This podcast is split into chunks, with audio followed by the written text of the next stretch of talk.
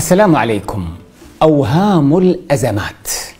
يظن الناس أن في الأزمات الكبيرة لا سيما إذا امتدت زمنيا وكانت شاملة أن العوام يقعون في الأوهام ويبحثون عن أي مخرج ويتعلقون بأي خيط.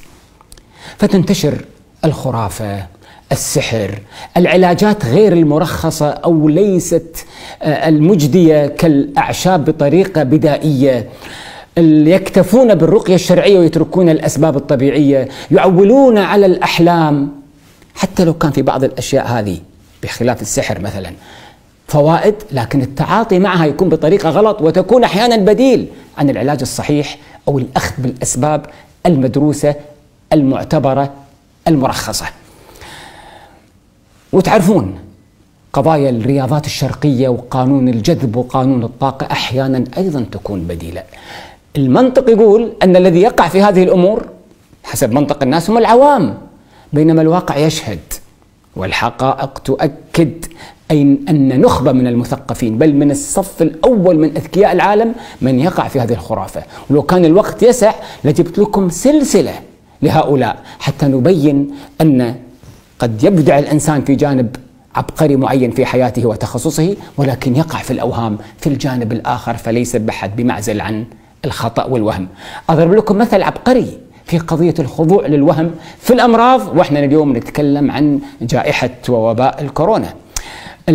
ستيف جوبز هذا العقل الذكي العبقري الذي جمع بين الخيال الجامح والهندسة والإلكترونيات وأعطانا صناعات ستة غير فيها وجه العالم أعطانا الهواتف أعطانا الحواسيب اللوحية أعطانا الحواسيب الشخصية أعطانا آه، أفلام الصور المتحركة أعطانا الجانب الرقمي أعطانا حتى تعبيرات الموسيقى الدقيقة. هذا الرجل لما تقرأ في كتابه هذا في الفصل الأول بعد ما يعني انصطدم مع الكنيسة وكفر بالأديان الإبراهيمية تبنى أديان شرقية.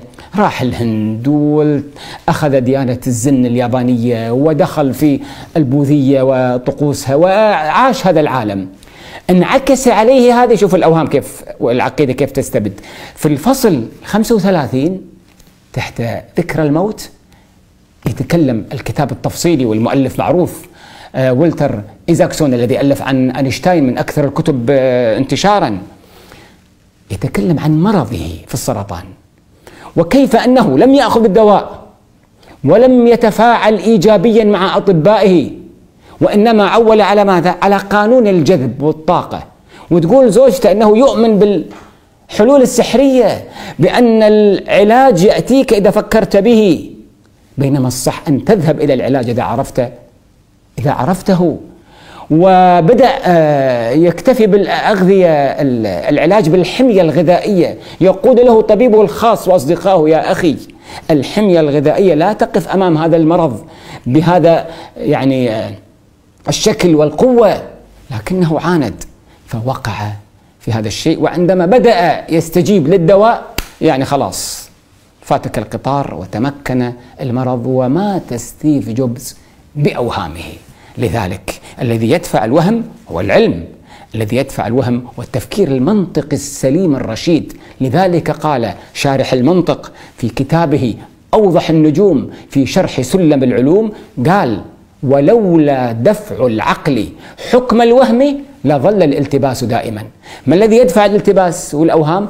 هو العقل يدفع ويخلينا ثابتين. طيب كيف يتعامل العقل؟ يتعامل اولا مع المصادر الصحيحة الأكيدة في المعلومات في قضايا لا يعلمها الإنسان وليس متخصص فيها. في جائحة كورونا بعد ما انتشر هذا العبث في كثير من الأمور والبدائل الدوائية والكلام الشعبوي عبر وسائل التواصل الاجتماعي. وتعرفون الواتساب كل شيء يصل للناس مع تمكن الأزمة يجب أن نصغي هنا إلى المصدر الرسمي المصدر الحكومي المصدر المتخصص نصغي إليه بفهم المرض نصغي إليه بالتعاطي في الوقاية كيف تكون ونصغي إليه بقضية الإجراءات التي نبديها فيما إذا وقع على يعني سمح الله هذا المرض عند حبيب أو قريب أو حتى في الذات الإنسانية. لماذا؟